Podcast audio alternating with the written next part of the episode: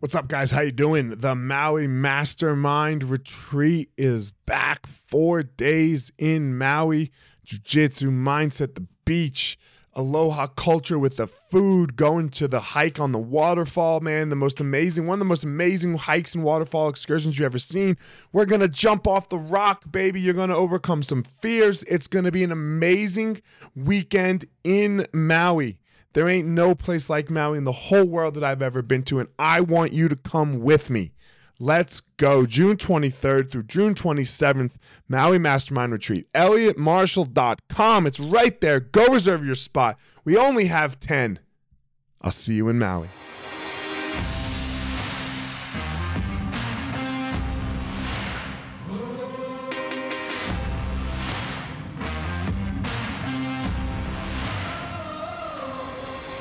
What's up, my ninjas? This is former UFC fighter Elliot Marshall, and this is the Gospel of Fire, where we are going to learn how to go into the fire so that we can find our power and live the best life possible.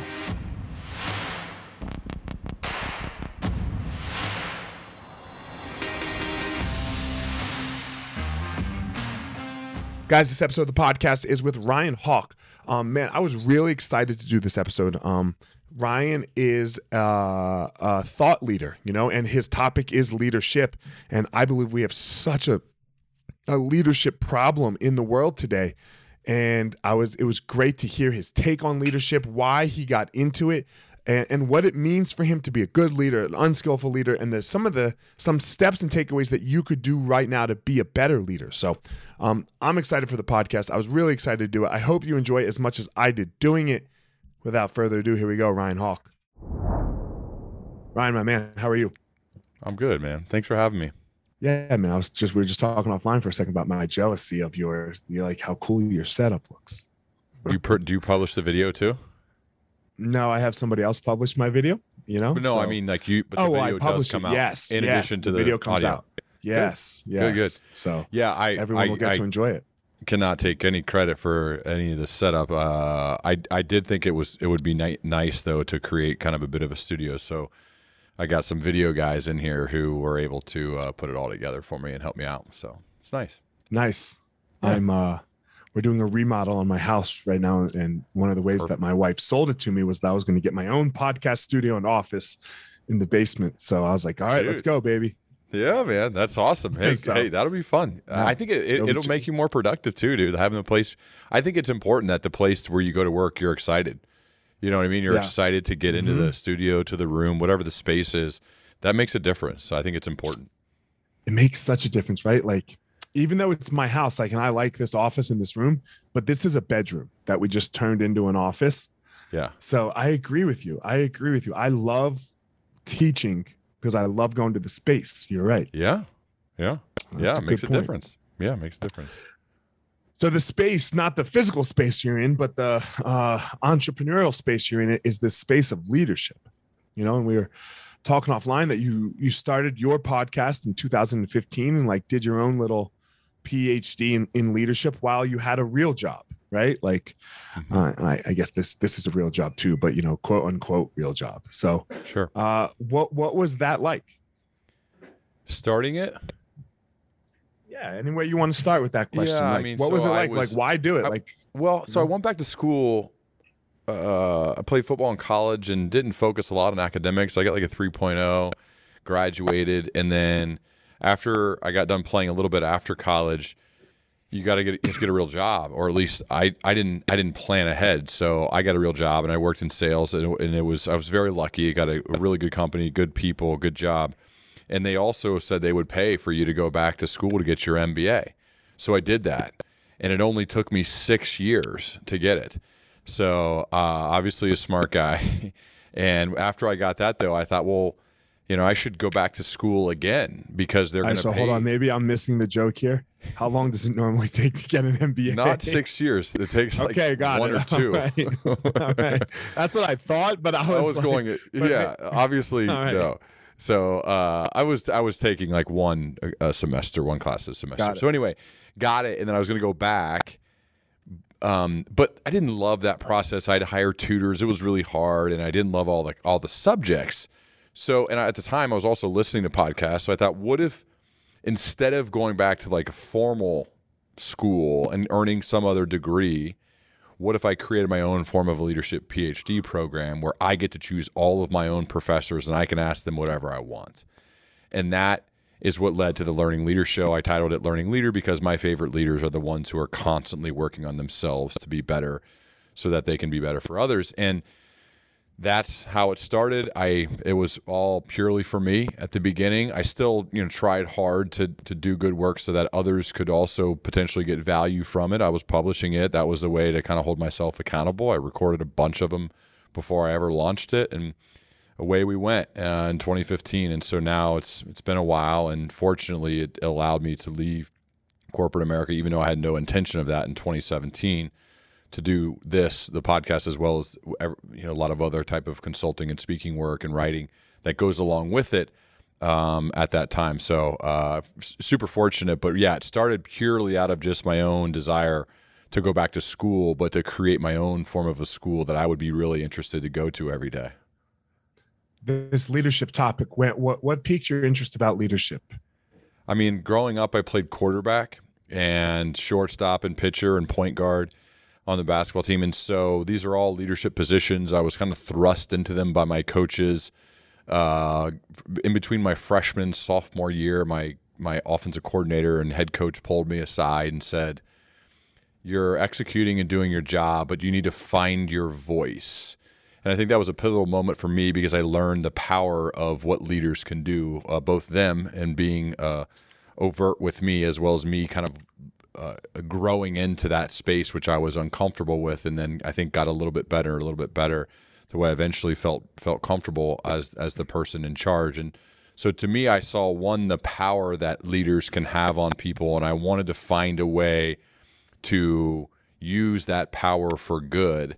And I think leadership is so complex and hard. There are sim- simple. It, it, it seems simple but it's there's a lot of complexities. It's really hard to do it well. I think it's a never-ending journey of learning, and so to me that that that was a topic I was it was a topic I was and still am most curious to study, and and that's why I launched it when I did. And I think you just said it. Like, um, I, th- I think sometimes we confuse leaders, like for example, with uh, the being the best on the team mm-hmm. and being the leader mm-hmm. right? Like, like uh, often they can be the same, but often, but but they're not the same skills, right? Right? Like being being the best at the skill versus being the one who can lead the team. Right. Different skills. How did you? When did you realize that they were different skills? Well, if you look at like study, I mean, I'm, you got a sports background, uh, me too, love, and love I think sports. you look at like the Magic Johnson, Larry Bird, Jordan, Kobe. I don't know if they would be the best coach because it was it maybe the game just came a little bit easier. I mean, even some of the best quarterbacks they don't go into coaching. So it, it doesn't just because you were great at it. In fact, sometimes because you were great at it, it can hinder you. So to me, it's like always. I think the only one of them that became a good coach was Larry. Larry yeah. was a good coach, and he only you did know, it for never a won a title. Yeah, a little bit. Coach. But I think I think that you see the ones in the NFL who do well, they're usually like the backup quarterback because they had right. to really grind and know the playbook and understand how to watch film and be be a good teammate, right? Because the starter doesn't like the backup, they'll just get rid of him, get somebody else. So I think I've I've tried to maintain that mentality as I've progressed both in my my my working career and learning from that as playing sports. I was never the most talented guy on the team or the best athlete. I think it was I was good enough to play and to lead the team. So that kind of grinder, watch film, understand what the defense is trying to do, understand what we need to do. That mentality, I think, helped me. But yeah, I, I think it's important to kind of have that mindset as you're approaching whatever your craft may be of, of the fundamentals of being excellent there, of being willing to put in the work of – whether it's watching film or preparing or whatever that is for that industry it's really important that even if you happen to be the highest producer that you never forget that and you never stop doing that and then you, you you develop skills to communicate that and to inspire that in other people again two different things really hard but this mindset of being a learning leader to me is the way to do that. A, a learning leader is somebody who's constantly viewing the world as I don't have it all figured out. I'm not sure. I'm going to keep reading and learning and meeting people and talking to those so I can learn from them, which then ho- hopefully will make me a better teacher for others too. Yeah, it's it's a it's a very interesting thing that that you know like when you're first getting back to that topic of like the best athletes. You know, I was talking to a a kid whose uh, dad was you know uh, the the dad is the kid is on my kid's basketball team and we were talking as parents and he was like yeah sometimes you just got to do it you know and i was like mm, you know and he's like you, you know he's like we were talking he's like the first time i ever like lifted weights i put 225 pounds on the bar and it went up and i put 350 on the squat rack and it went up. And i was like damn bro. He's like yeah i just believed i could do it. And that's what that's why i could do it because belief. And i was like uh-uh. you you just have the physical attributes that Yeah. allow for that right? Like there is no just like like my kid right now can't put 350 on the squat and squat rack he physically can't do it no kid can you know so Yeah. those type of people don't make the best leaders because they look at you and they say do it because that's how they did it Right. and unless they want to take a step back from that, right? And Mhm. then really delve into the how of how they did it. What were the mechanics? What were the and and and what was that belief? How do they speak to themselves? And now we can start to be a little better leader. I think the reason that Larry, you know, in that group that you mentioned, was the best coach because he was the least athletic. yeah. It's Like Larry couldn't once in a while- jump out the gym. Right. Every once in a while, uh, I, I know I had one of these. You have a math teacher that is amazingly, they just have a math oriented, gifted mind. And when they Mhm. see the, the problem, they just walk up to the board and they do it. And sometimes, though, those people do not make for a good math teacher. I had one like that where he would walk up to board. I remember, and I, I and to me it was like Chinese. I'm like, this is not my thing. And he's like, well, it's just boom, boom, boom, boom, boom, boom. And I'm thinking, well, yeah, dude. It look, you made it look easy, but I have no idea how you did it, and you even struggled to explain it. That's not a good teacher. So to me, yes, I'd want him as a member of, of as a player on the math team in this case, Right. but right. but not yeah. not not as the tutor or the coach or the leader. I just want him as a solid player on the team.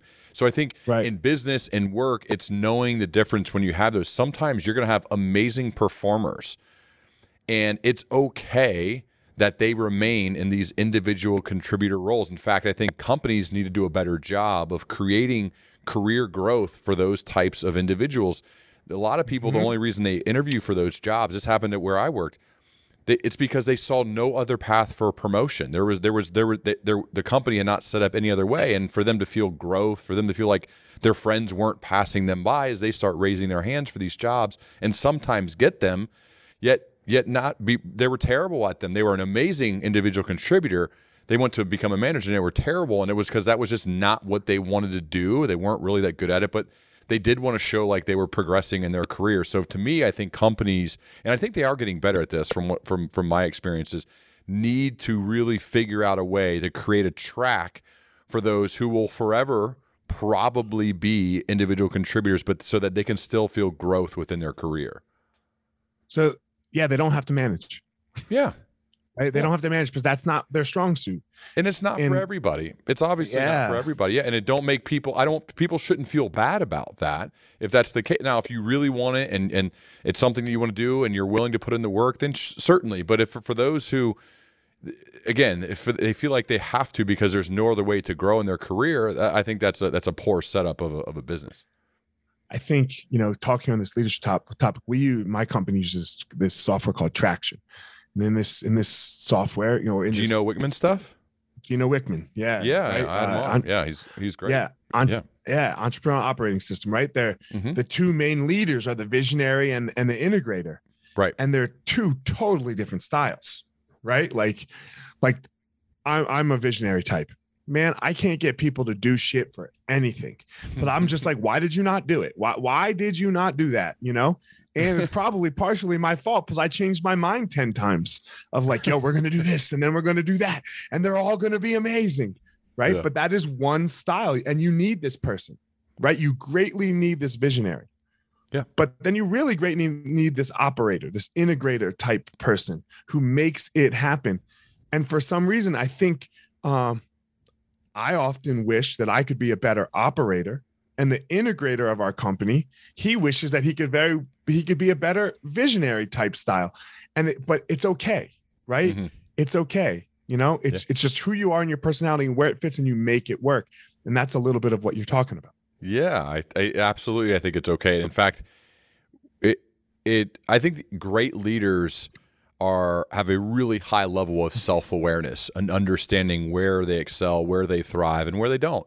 And and to me it's that's that's also a never-ending journey of constantly being willing to hold up the mirror and realizing where you thrive and where you don't, how you feel. I think there's just easy exercises to do when you're journaling is what did I think and how did I feel? What did I think and how did I feel? so that you can you can look back on these dates and these compelling events and these inflection points in your life and and remind yourself of what did you think and how you felt particularly before making big decisions or big moments in your life it's good to be able to have that process documented so that you can go back and learn from your past of oh looks like I did pretty well. Oh I really messed that one up right? So to me those are those are things that can help you learn about yourself to understand which one you are a little bit of but whatever it may be I think that's that's a big part of effective leadership is is this high level of self-awareness.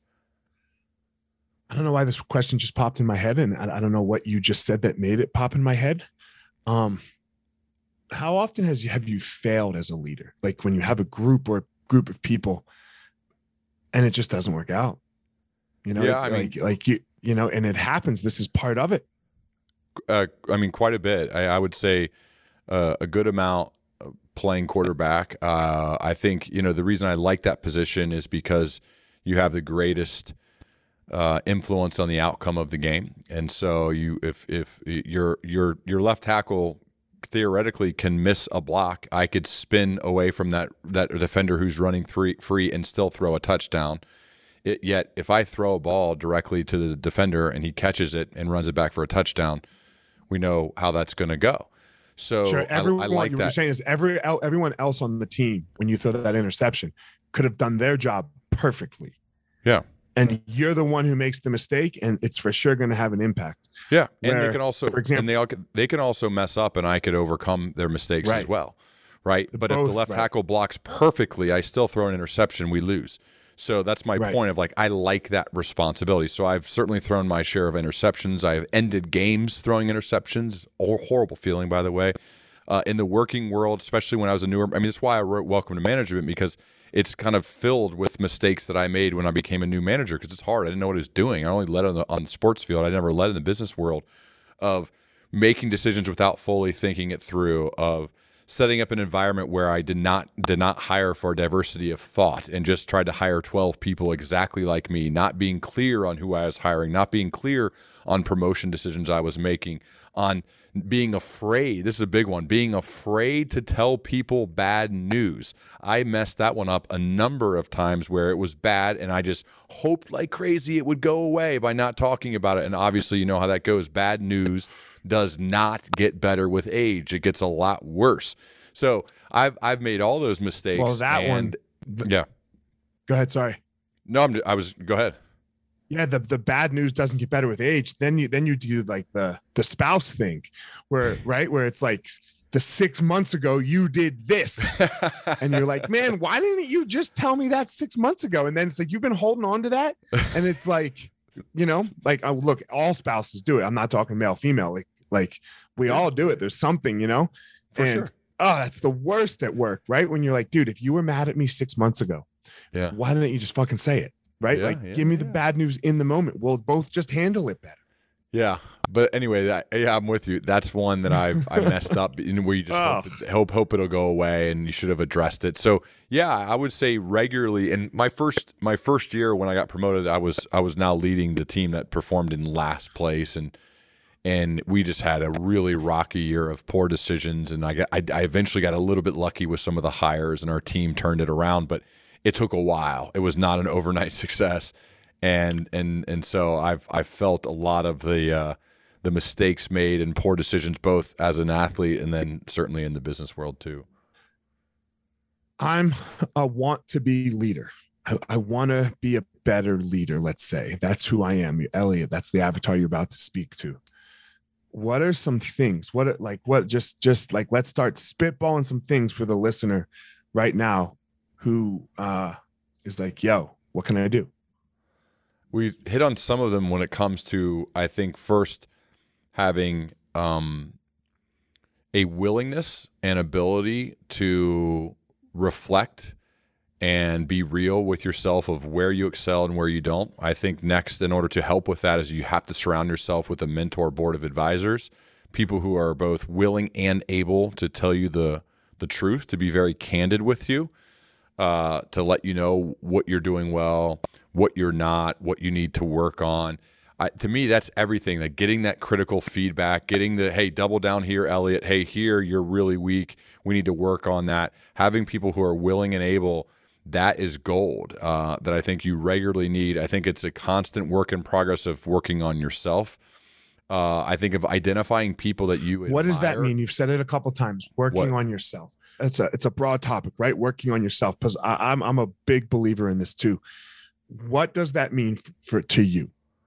To me, it's a it's a, it's it's a series of regular prompts. Uh, I love prompts and questions. I'm a prompt driven writer and a prompt driven speaker, meaning I I one of the things I do when writing books is is hire coaches and editors who supply me with those, and I could respond to them. I think it's always easier to write and to think when answering a question. And so to me, it's what are the prompts? What are the questions that you're asking yourself each day? Am I a bit wiser?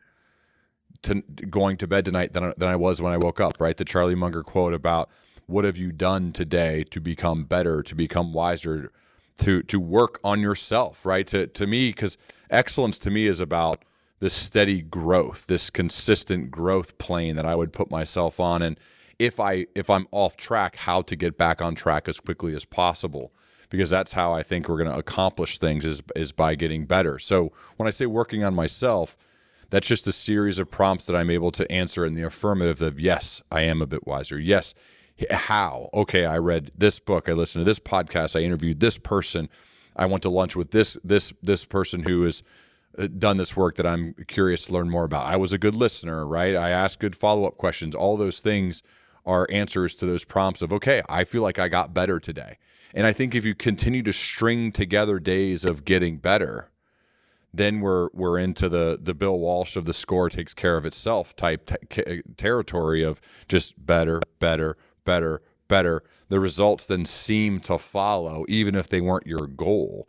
And that's kind of the process I try to take, and that's how I think of regularly working on myself. Define a good leader.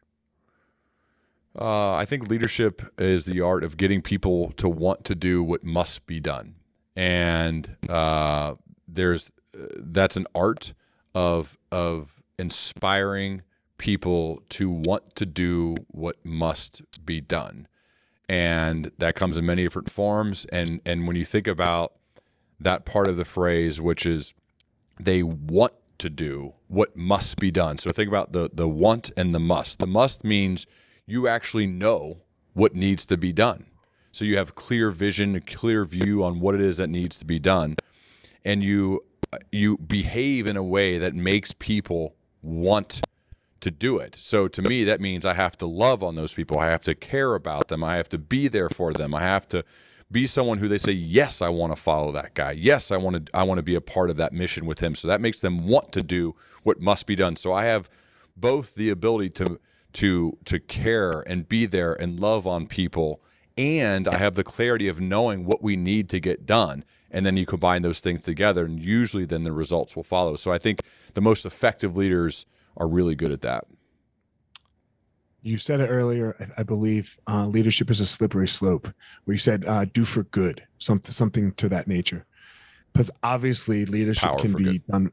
Power for good, yeah. power. Uh, like what power gets a bad word, I think. And, and my my point of that is saying, I think power can be amazing, and I want us leaders to use that power for good. I want good. us to use it in a way to impact people in a positive way, to leave people, places, and things better than we found them. Like use the power for good.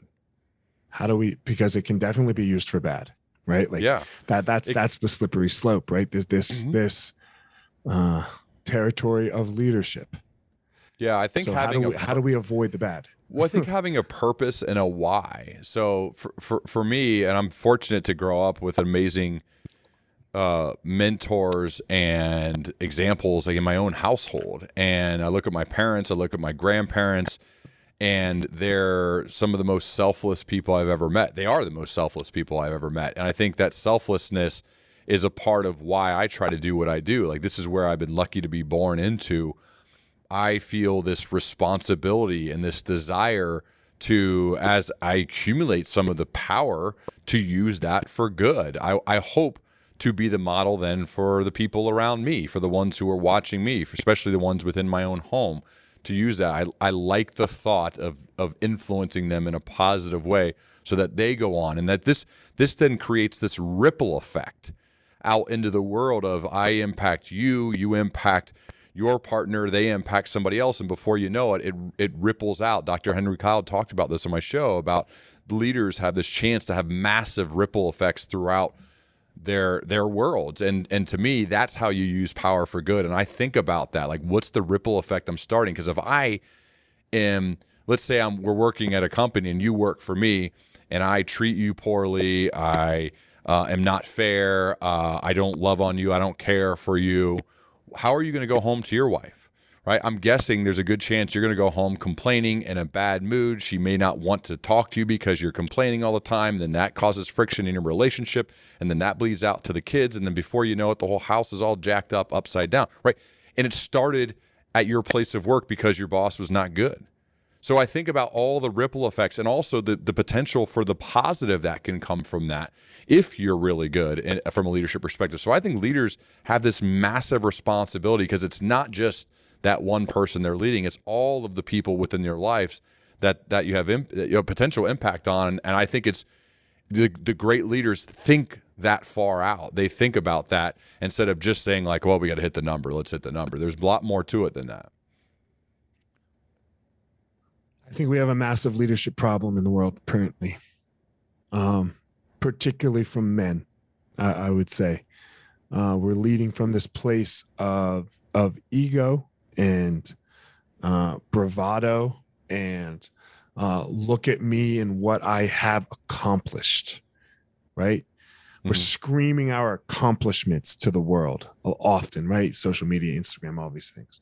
Mm-hmm. You know, how do we get out? How did we get here, and how do we get out of it? I, I do think social media plays a role in that. Um, it right. becomes a lot more of the natural inclination is to kind of take a picture of yourself or look at me. I think it's easy to have envy and jealousy because it's right there. It's right in your pocket. You just pull it up and you can see it immediately. Uh, one of the things I write about in the recent book is a, is about this comparison of, of of who we should compare ourselves to. And while I do believe there is some value, as Simon Sinek and Adam Grant talk about the value of rivals, I think for the most part, most of us need to be focused on comparing ourself to our previous self. And that be the, the main focus. When you listen to your podcast from two years ago, you should be embarrassed. When you read a book that you wrote, th- when you read a book that you wrote three years ago, you should be embarrassed, right? Because you've grown, you're wiser, you're in a better place because of. It's your, When you say that. I hate my book. I hate my book now. Right. I think a lot of authors have that feeling, right? Probably because you lived in it for a while and you read it and reread it and then and edit it and edit it and now you're like, God, I'm just sick of this stuff. The same way when you listen to your podcast from years ago, either there may be moments like, oh, that's pretty good, but for the most part, it should be embarrassing because you're so much better now. You've improved. So I think I don't know the exact way to fix a, a really hard problem, but I think it starts inside of each person. And one of the things I try to do and still fail, especially when it comes to books, is is trying really hard to compare myself primarily against my previous self and not against what I see on the highlight reels and social media because most people's including mine social media it's it's just all of the really good stuff and not all of the other tough stuff that go along with it for most people social media is a very hard topic in this right because when you're in this industry or, or or what we're trying to do as leaders you have to put information out there that you have some expertise and that you know what you're doing right right no one's going to follow someone's like yeah i don't know what i'm doing right, right? Yeah. you know so yeah Uh, Yeah. You have to say that, but that's only a piece of the pie, right? A Mhm. piece of the pie is, hey, I know what I'm doing. The other piece of the pie is once you're in and and, you, and, and you're in the sphere or the circle of uh, of working with us or or working with a leader, the humility, the vulnerability, the the the, the constant growth that you've been talking about that comes along with it. So, Mhm. um, take social media kind of a grain of salt a little bit, right? Yeah, I I think the the main view I have with with that is uh, my fin- friend Clay Hebert talks about this. There's look at me content, and then there's learn from me content. And I just try to put out learn from me content as much as possible. It's not all that way. Some of it probably seems self promotional and a little look at me, but I hope there's still a learning in there that I can add to that. So I I think whatever it is that you're doing, if we if we're trying to get better, it's what what have I learned that I can then share with other people? That's more of the learn from me content that I'm trying to put out there as, as opposed to just posing in front of uh, an expensive thing with there's not really much learning going on there versus hey I learned this when I had this interview with Elliot and now I'm sharing it with you. That type of stuff I think if that's your regular mode of, of kind of sharing that's that's that could be useful for people uh, as opposed to the, the look at me stuff. It's so interesting because, but the look at me stuff works like like what Grant Cardone does, like you know, it works for some jets. people. Yeah, it works for just- some people yeah yeah. It's not. Yeah, I mean, that type For of me, stuff it doesn't, doesn't. that doesn't motivate me at all. I mean, I don't follow uh, any of those types of people, but I would say um, there there's definitely a he understands how that works and has found his niche. And that, to me, I say, great, like awesome, that's great. If you can do that, then uh, then then you do you do what you got to do. I I think so. I'm I'm not against anybody making a living or building their business. Uh, to me, it's just finding finding the people that I think could be most inspired that you're excited to help, um, and then kind of going from there. So so to me, it's more about the the learn from me stuff. I think you did a great job right there when I, you know, I, I was mentioning an opposite, and you could have uh, just uh, crushed him if you wanted to because you disagree. It's not for you, but you found no reason to. You just said it's not for you, and this is Yeah. something that in, in the leadership space, I think we need more of. Right? Like, look, that that dude's doing his thing. He's got his niche, niche, however you like to say that word. Yeah. It works for him. He's not harming anybody. Right? It's one thing if I mean, I hope not. somebody. yeah, I, Right, I but have I'm just no saying, idea, like- yeah, yeah, Right. Yeah. It's one thing if you're harming, if he's stealing, Yeah. if he's robbing, if right now we Right. can be like, okay, that dude's a piece of shit. If that's you know, but that's not going on. He, he and he and he appeals to some people. So go ahead, do your thing. Not for me. Nothing wrong. with it. I thought that was a, a really nice point. Yeah, you made and I right think- there. Thanks. I appreciate that. I, I think, especially people, um, as you get to like a certain level of of where people are more aware, like you're gonna have. He's he's not trying to be for everybody, and I, I Right. admire that in people. Like they're not trying to be for everybody. They realize that not everyone's going to like them, but I think if you're trying to get everybody to like you, then nobody's going to love you. And in that case, I understand that. So I realized my, and I even wrote this at the very beginning of my recent book, this is not for everyone. And I understand that, and that's completely fine. And I think everybody like approaching it that way is fine. And and, and my thing is, yeah, I'm just like the speaking world, it's kind of crazy. But the the cool thing is there is plenty of opportunities out there for all of us to win and try to help each other and to and to refer each other to certain gigs that are better fit for different people. That's been the the, the really cool part about this uh, over the last five years that I've love about it is is just how many amazing people I've met that are willing to help each other uh, all do well because we all know there's plenty out there, and I think that that type of mindset is much better than trying to fight or or argue or or be competitive over that stuff. It's not. It to me, it's it it doesn't work that way. So it sounds like part of what you're saying here is the scarcity mindset for a leader just doesn't work. I mean, again, I, I, I, I, the one thing I will say as I've interviewed more people is I feel like I view the world much more gray than I used to. Uh, it's I don't think as much in absolutes. Uh, I think a much much more. Dan Pink and I talked about this, like this this reasonableness that you gather as you interview and talk to more people from different areas of the world from different uh, upbringings and different life experiences. We're all just the sum of those experiences, and so yeah, I, I think scarcity is that, that it, it, it we're we're verging a little bit towards like the black and white world, which I don't feel like I live in anymore. But yeah, I I, I think of like more of the world is more abundant. There's plenty plenty out there for all of us to to do well. And so that's why like I encourage people to do exactly what you're doing, right? To work hard at building a podcast and getting repetitions at having deep conversations because I think the skill of being a good listener and asking questions and following your curiosity and becoming a better overall communicator, dude, that helps you in everything that you're ever going to do in your life. It helps you in your relationship with your spouse, it helps you in your job, it helps you leading people, it helps you with everything. So why not get continual repetition at this thing? It doesn't hurt anybody. It doesn't hurt me, it doesn't hurt anybody. Do it. And I and so that's to me, I think that's more of the abundance versus scarcity I think that you're talking about that I'm a I'm definitely a, a believer in. For sure. Look, man, the, the scarcity thing for me it was, was a very hard thing. Sure. Uh, I grew up from Holocaust. My grandparents were Holocaust surviving Jews, and my wow. dad, my dad's black, and he grew up during civil rights. So Whoa. to them, their whole world was scarcity, right? Like, like there just was never enough for like you always had like I can remember uh and we were well past this at the time. Like everyone was, we could eat whenever we wanted. Like there was there was no scarcity. Like we were fine. And my grandma, who used to make my uncle and I crawl out into the farmers farms at night and go pick ten cucumbers. Go pick ten for you know, where literally she bought ten cucumbers at the grocery store earlier in the day. you know, like, and yeah, like man. she I mean, just couldn't get out of that mindset. But that that's an amazing perspective, and I appreciate you sharing that because to me it, it shows like luck for me. Right. I feel I feel an, ama- an immense amount of luck because those thoughts never have ever entered my mind, and that that kind of shows you just how how lucky um, I, I feel and fortunate that I don't I, I've never had that that mindset. But I completely I remember talking to my grandma, my mom's mom.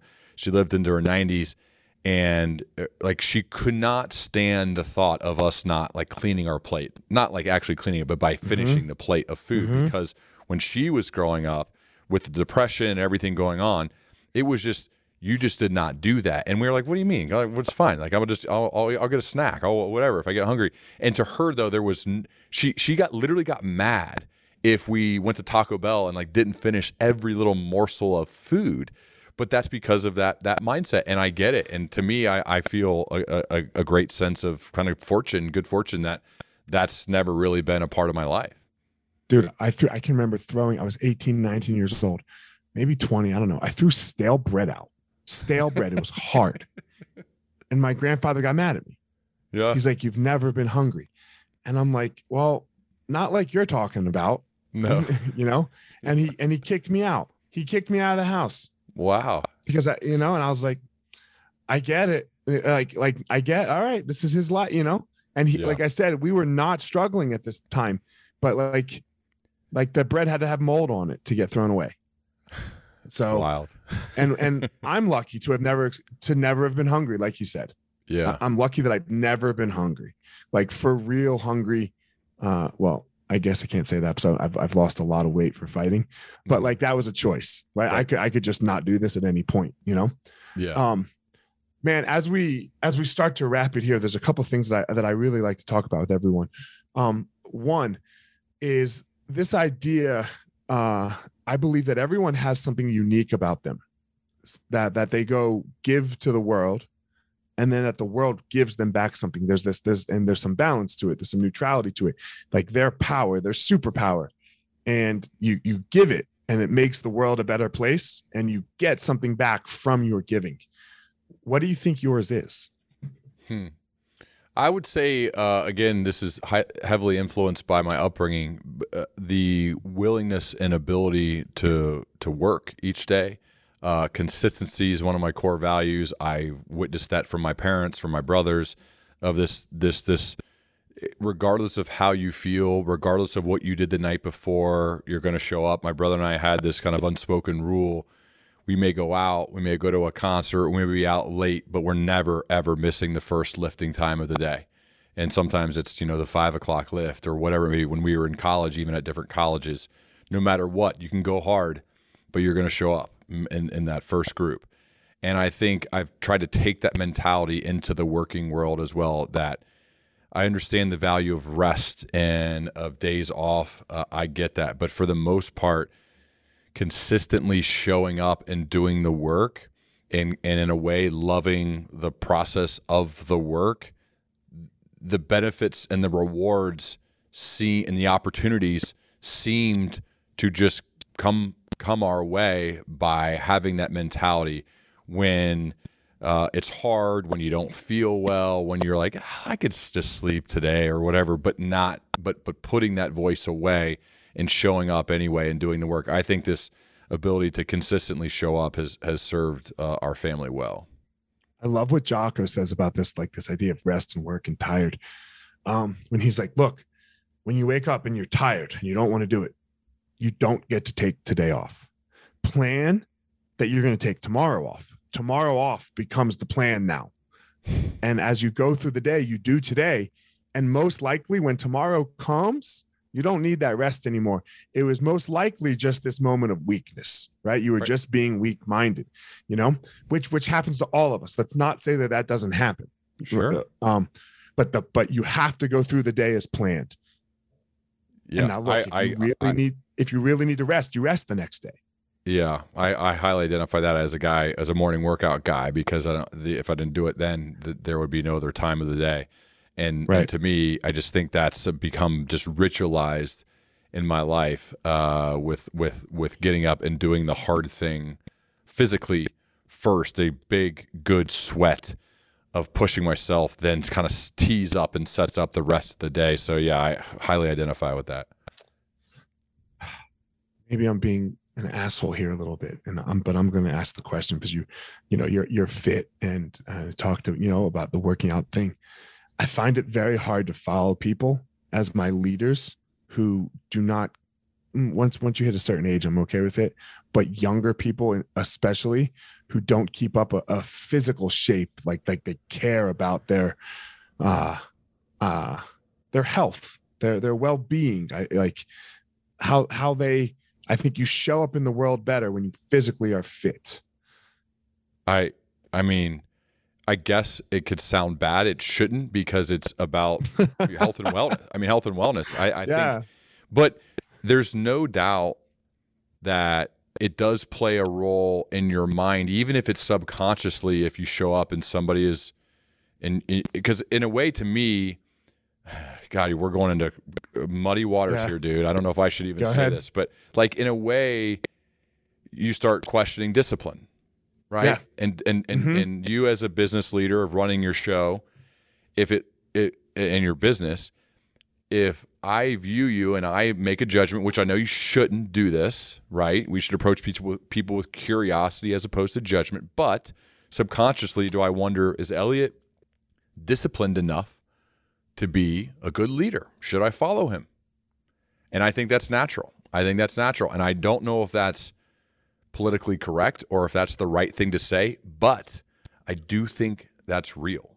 I think that's what I think happens. the And so- person can show me possibly in other ways that they're not definitely. that they definitely. are that they are right like i'm Yeah. not i'm not like writing him off as the book but i'm Correct. coming in with some uh some some concern i would say you know Yes. and I get, and maybe, you know, I'm coming in with with a little more like hesitation in, in this. And I'm look, I'm I'm I'll be as superficial as, as this. I can't like I love the Peloton bike. I fucking love it. Right. yeah. Yeah. I can't take the dudes classes. None of them. None of them. Wait, Because I've they never yell done and scream- Peloton, so tell me why. What is Okay. what, why? Yeah, I'm gonna tell you why.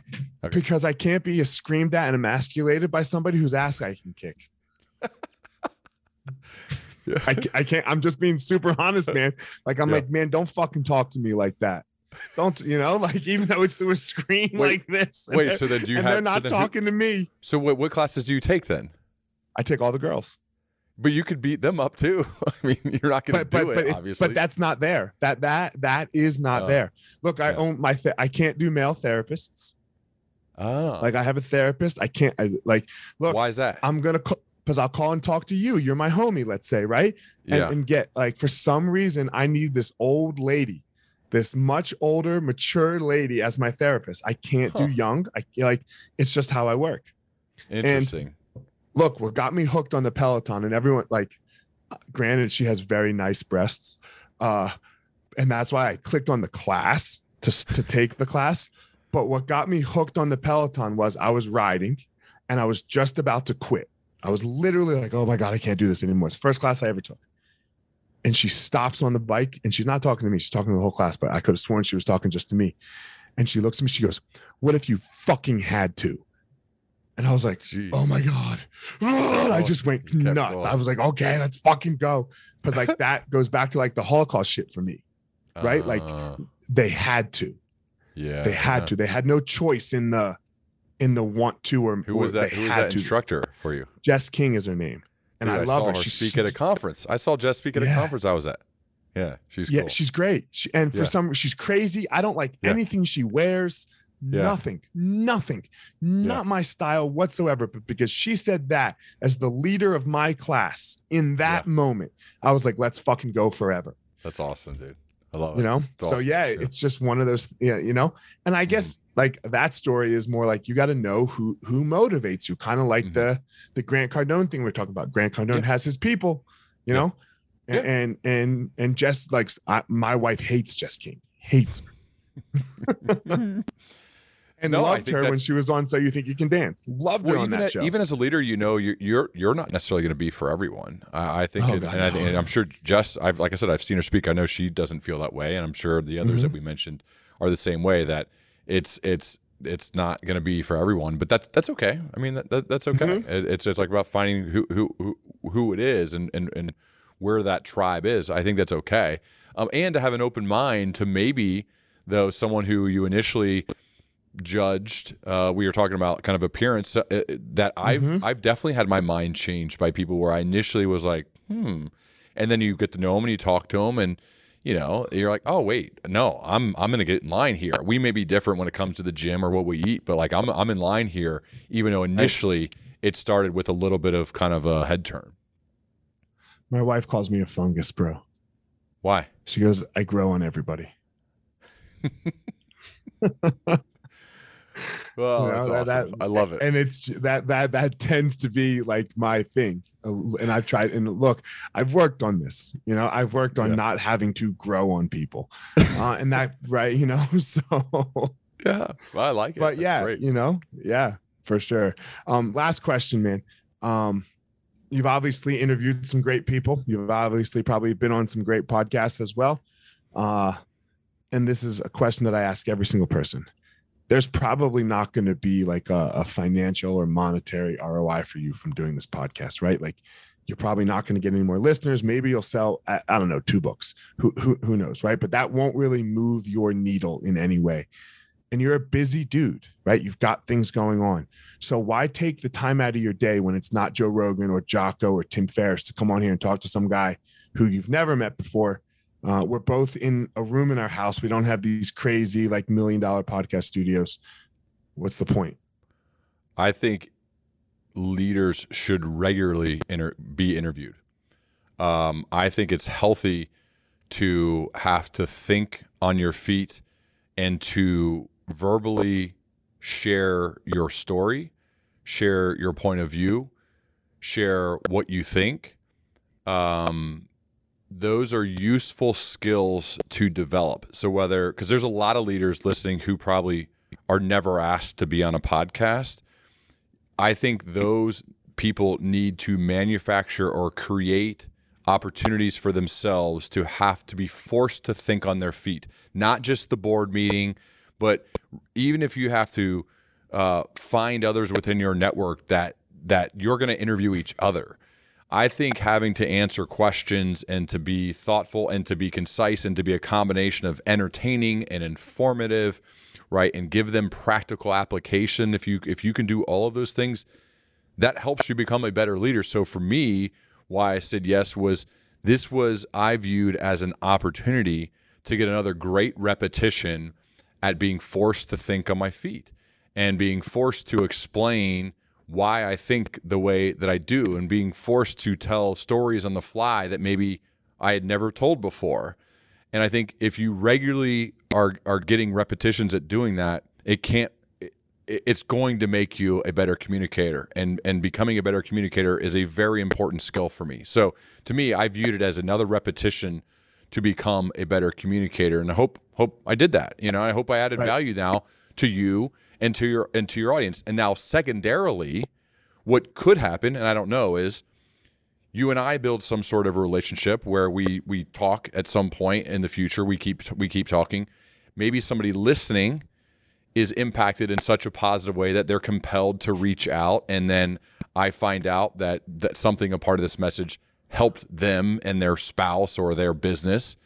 And that's a massive win. Like those emails, those that feedback to me, and I, this may be a bad thing, but to me, seeing that it's positively impacted people is fuel and that fuel fills that tank up, man, and like gets me excited to do this when it's really hard. When you show up, you're mm-hmm. like, God, I feel terrible.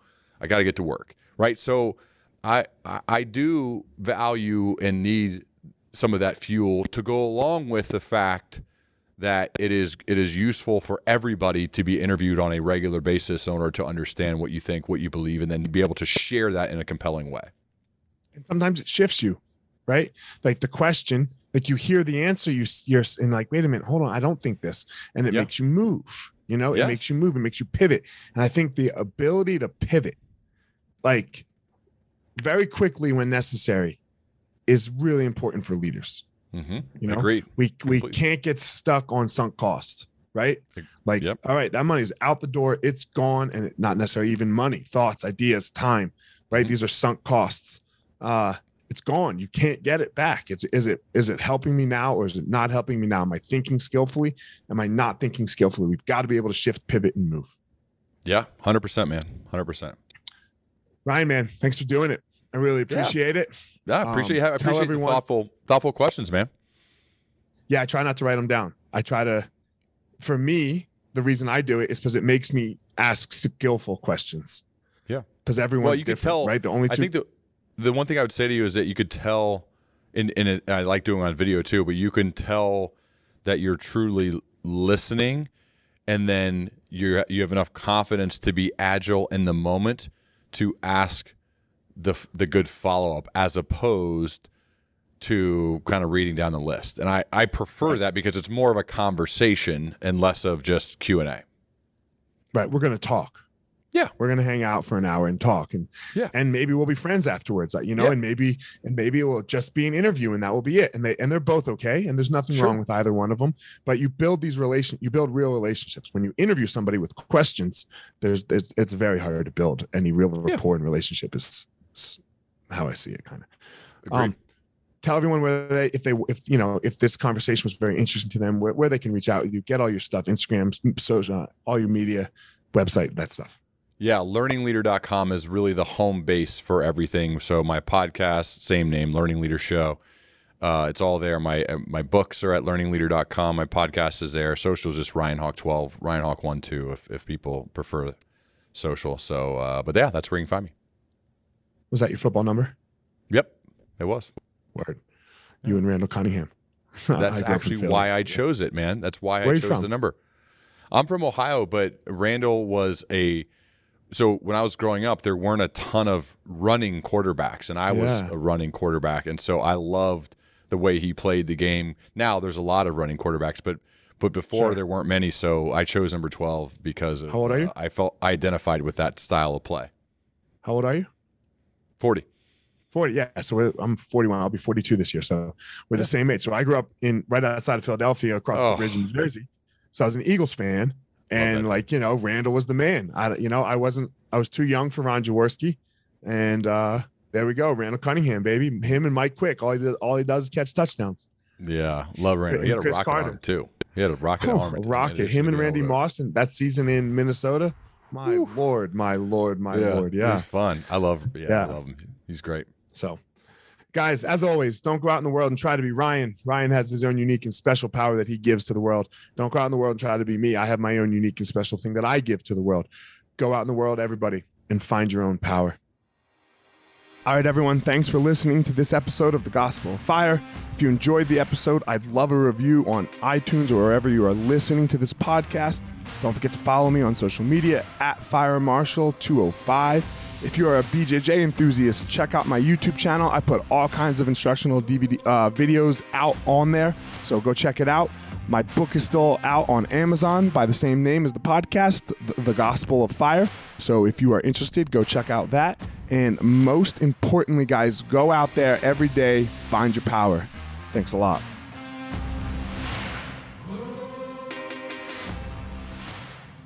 Guys, look, I get it. I totally get it. You opened a martial arts school, and man, it's kind of crushing you. There's all this other stuff to do other than teach, right? You love teaching. You love jujitsu. You love Muay Thai. You love karate. Whatever it is you're you're teaching. And man, but there's all this other stuff. There's there's the front desk. There's there's taxes. There's curriculum. There's cleaning. There's there's problems, staffing, covering. Whew, man, it's so much. It's so much. Well, let me tell you, uh, we have started what's called Easton Online, and Easton Online is here to solve all of these problems for you. Easton Online is a digital academy for martial arts school owners and managers. Will help you establish or enhance your business with best practices. Most importantly, we're to help you get back to what it is that you love most teaching and doing martial arts. Okay, so for more information, guys, go to easton.online. Again, that's easton.online. Add your email. You're going to get notified about the course launches. Our first course is going to be all about the first impression specialists, your front desk, and all kinds of stuff, special offers, promotions, as well as we started a podcast by the same name, Easton Online, that's going to talk about our process of how how we went from a tiny little martial arts school to what is now seven martial arts schools, seven Brazilian Jiu Jitsu Muay Thai schools, um, in a very holistic way that we believe um, kept the integrity of the art and also deals with its people very well. So again, Easton.online, enter your email and you're gonna get all you're gonna get everything you need right there. So thanks, guys.